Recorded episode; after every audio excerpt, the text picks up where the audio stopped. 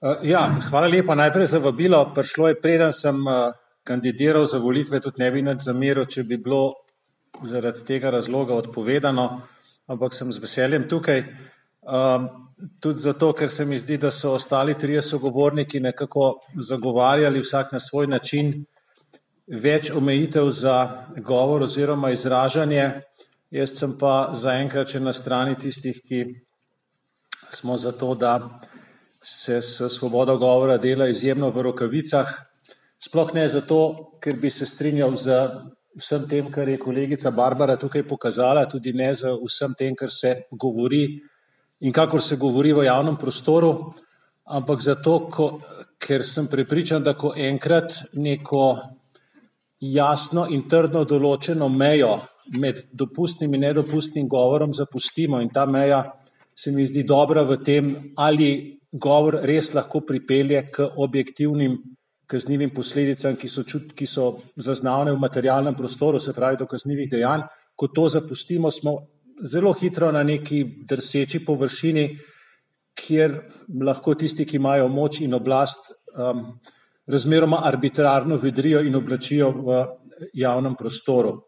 Tudi se mi zdi, da se bi težko pritožili nad uh, prakso, ki velja v Sloveniji na področju sankcioniranja nedovoljenega govora, ker ne bi mogli reči, da imamo v Sloveniji neko poplavo ali pa porast kaznivih dejanj iz sovraštva, se pravi ne govora, ampak da bi se nekomu nekaj ali nekemu objektu ali človeku nekaj dejanskega zgodilo. Skratka, govor, ki ga imamo, ostane, posledice tega govora so, da je mogoče kdo slabe volje užaljen. Uh, tudi jaz sem včasih užaljen, kolegica me je spomnila na tisto diskusijo, ki sto jo imela z kolegom Pripcem. On je mene, tebi, meni nič, tebi nič na odmevih povezal z nekimi velenskimi plakati, s katerimi nisem imel nič. Pa pač sem bil takrat malo slabe volje, uh, ampak uh, to gre nekako skupaj z, z uh, javnim življenjem oziroma nastopanjem. Skratka, zdi se mi, da pravice do, da nas nihče ne užali, nimamo oziroma imamo toliko, da če smo užaljeni, gremo lahko na sodišče, tožimo in tukaj ne bi imel pa nič proti, da, so, da bi bila praksa slovenskih sodišč taka, da bi nekoliko bolj radodarno dajala finančne kompenzacije tistim, ki so užaljeni.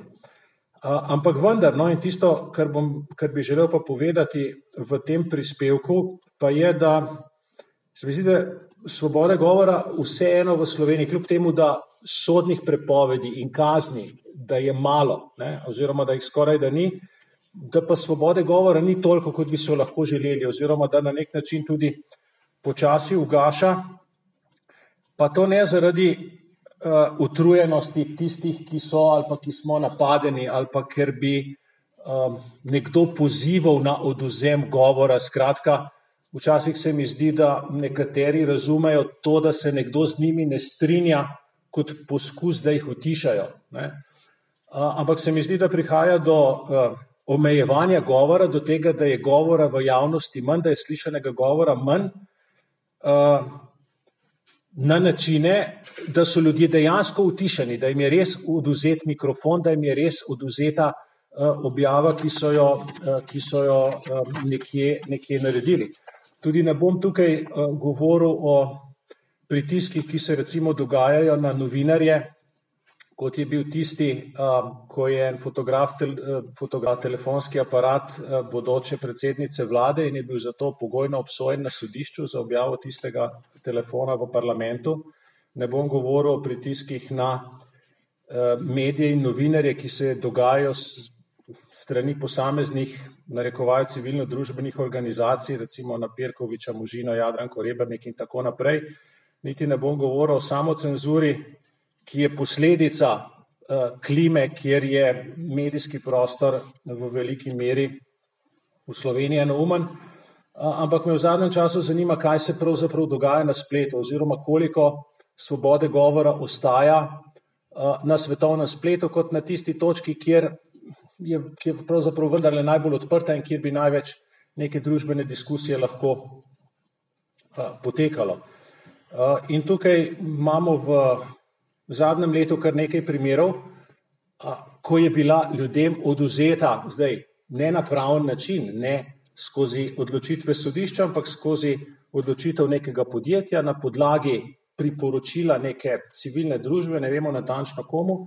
Skratka, oduzeta svoboda govora v smislu, da bi lahko na tej platformi, ki je monopolna, ki je edina, recimo Facebook, lahko nekaj povedali. Verjetno najvišji tak primer ali pa najbolj odmeven tak primer je, ko je zginilo iz, oziroma ko je bilo iz Facebooka umaknjeno predavanje ustavnega sodišča Klemna, Klemna Jakliča na Katoliškem inštitutu, naslov tega predavanja je bil pet minut pred 12. Uh, Slovenija pet minut pred, pred 12. o predpogojih svobode demokratične družbe in vprašanju njihove uresničitve v okviru slovenske države. Skratka, nekomu je uspelo Facebook prepričati, da je v tem predavanju ustavni sodnik, takrat je že bil ustavni sodnik, povedal nekaj takega, kar ni skladno z community standardi od Facebooka. Zdaj jaz v šali pravim, da so to standardi komune Facebook, ne pa uh, skupnosti Facebook. Ne.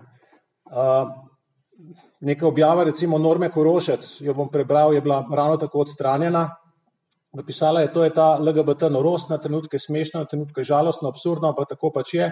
Verjamem, da sta spola samo dva, moški in ženska, to se vidi v vsaki celici, pa nasmešek. Jaz ne trdim, da bi jaz to napisal ali pa da je to, bom rekel, ne vem kako tankočutno, lepo in tako naprej. Ampak taka objava je, taka objava je bila prepovedana.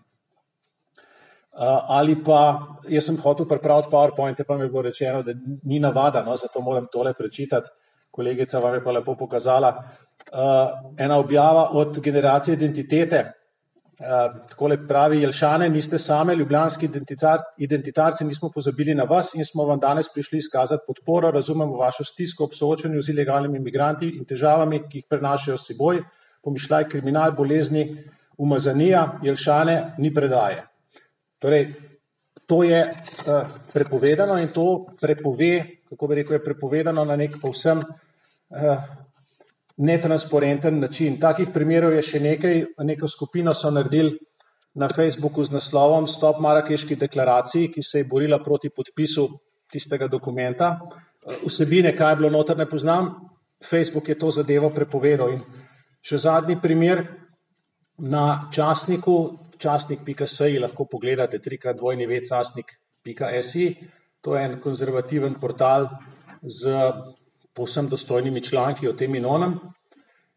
Je objavil članek tudi o generaciji identitete, ki, o kateri imamo sigurno različna mnenja. Naslov tega članka je bil Nov trn v levičarski peti in ko je Ivor Podbrežnik objavil povezavo na ta članek z podpisom oziroma napovedjo. Identitarno gibanje lahko razumemo kot zrcalo družbe, ki s prstom kaže na brezbrižnost slovenskih in evropskih politikov do sodržavljanov. Je bilo to označeno kot da je neskladno z komunalnimi standardi Facebooka. Pa sem še ta članek še enkrat prebrati in dejansko problem tega članka je samo ta, da o generaciji identitete ne piše z nekim zgražanjem, ki bi bilo v, v mainstream medijih normalno, ampak piše, zakaj se pač zauzemajo. Jaz mislim, da bi težko našli elemente kakršne koli sovražnosti tam noter. No, jaz sem potem za hec naredil poskus, pa sem jaz naredil povezavo na ta isti članek samo s tekstom, pa je tole objavo uh, oziroma povezavo na ta članek pa Facebook uh, prepove. In zanimivo, ne, uh, od kolega Podbrežnika objava povezave na isti članek je bila umaknjena, je bila prepovedana, ni bila skladna z standardi, komunalnimi standardi Facebooka. Uh, moja in pa od kolega Tomažiča, ki je dal povezavo na isti link, uh, je pa zadeva ostala. Skratka, tisto, kar skrbi, ne, je, da imamo na družabnih omrežjih opraviti z nekakšno cenzuro, ki je povsem volonterska, kot vidimo na zadnjem primeru precej arbitrarna in kot smo videli na nekaterih primerjih prej, um, kjer, kjer pravzaprav umika dosti, dosti, dosti blaže zadeve kot te, ki jih je kazala Barbara, ki so bili sicer s Twitterja večinoma. Um, in to prav gotovo, uh, te, temu prav gotovo ne bi mogli reči, da je to prispevek k, uh, k svobodi govora. Zdaj, če počasi uh, zaključim, ne, jaz mislim, da nobeno teh primerov, ki sem jih naštel, ki so bili umaknjeni, ki so bili uh, cenzurirani iz Facebooka, uh, nobenega tega govora ne bi Evropsko sodišče, sodišče za človekove pravice spoznalo kot kakršen koli sovražni govor. Skratka, šlo je za stvari, ki so, s katerimi se morda nekdo ne strinja, ampak je nekdo, verjetno prav ta isti nekdo, um, dosegel, da se jih umakne. Uh, tipičen argument, ko imamo diskusijo po družbenih omrežjih v zvezi s tem, je, da je Facebook pa vendar privatno podjetje, privatno podjetje pa lahko dela, kar hoče. Uh, prav z užitkom je gledati, kako levičari postanejo silni zagovorniki zasebnosti oziroma zasebne lastnine, uh, ko gre za te stvari. Ampak mislim, da ko gre za človekove pravice, ne moramo se sklicovati na zasebno lastnino. Veste, tudi tisti uh, avtobusi, v katerih so morali črnci sedeti zadaj, so bili zasebni avtobusi oziroma so bila zasebna avtobusna podjetja, pa to ni nikakršen faktor bil, da se uredi enakopravnost. Uh, ljudi, ko gre za, ko gre za take stvari. Uh, in način, na katerega so stvari umaknjene iz Facebooka. Ne, jaz ne vidim velike vsebinske razlike med tem, kar je počel Jrnej Kopitar za avstrijskega cesarja, ko je povedal, kaj lahko preširen objavi in česa ne, ali pa tega, kar nekdo počne v zvezi s Facebookom, oziroma ki Facebooku naročuje, kaj objavljeno, kaj ne, ker stvari so pravzaprav take, da zdaj, če si objavljen na teh glavnih socialnih omrežjih, Facebook, YouTube in tako naprej, obstajaš, če, tam gor, če te tam gor ni, potem ne obstajaš. Uh, tipičen odgovor nazaj je tudi ta, da ja, Facebook ni edina platforma, pa si naredite svojo, ne? pa si postavite svojo platformo, zato da boste tam lahko uh, objavljali. Ne? Eh, obstaja ena inicijativa v ZDA, reče se ji gap.com, eh, ki so naredili alternativo Twitterju. Skratka, vsi tisti, um, o katerih tudi nimam preveč dobrega mnenja, ki so jih iz Twitterja izključili, ne, so se potem spravili tja, ampak ne, uh, te, tej alternativi Twitterjev je, bom rekel, um, internetna, internetna industrija zmetala vsa polena pod noge.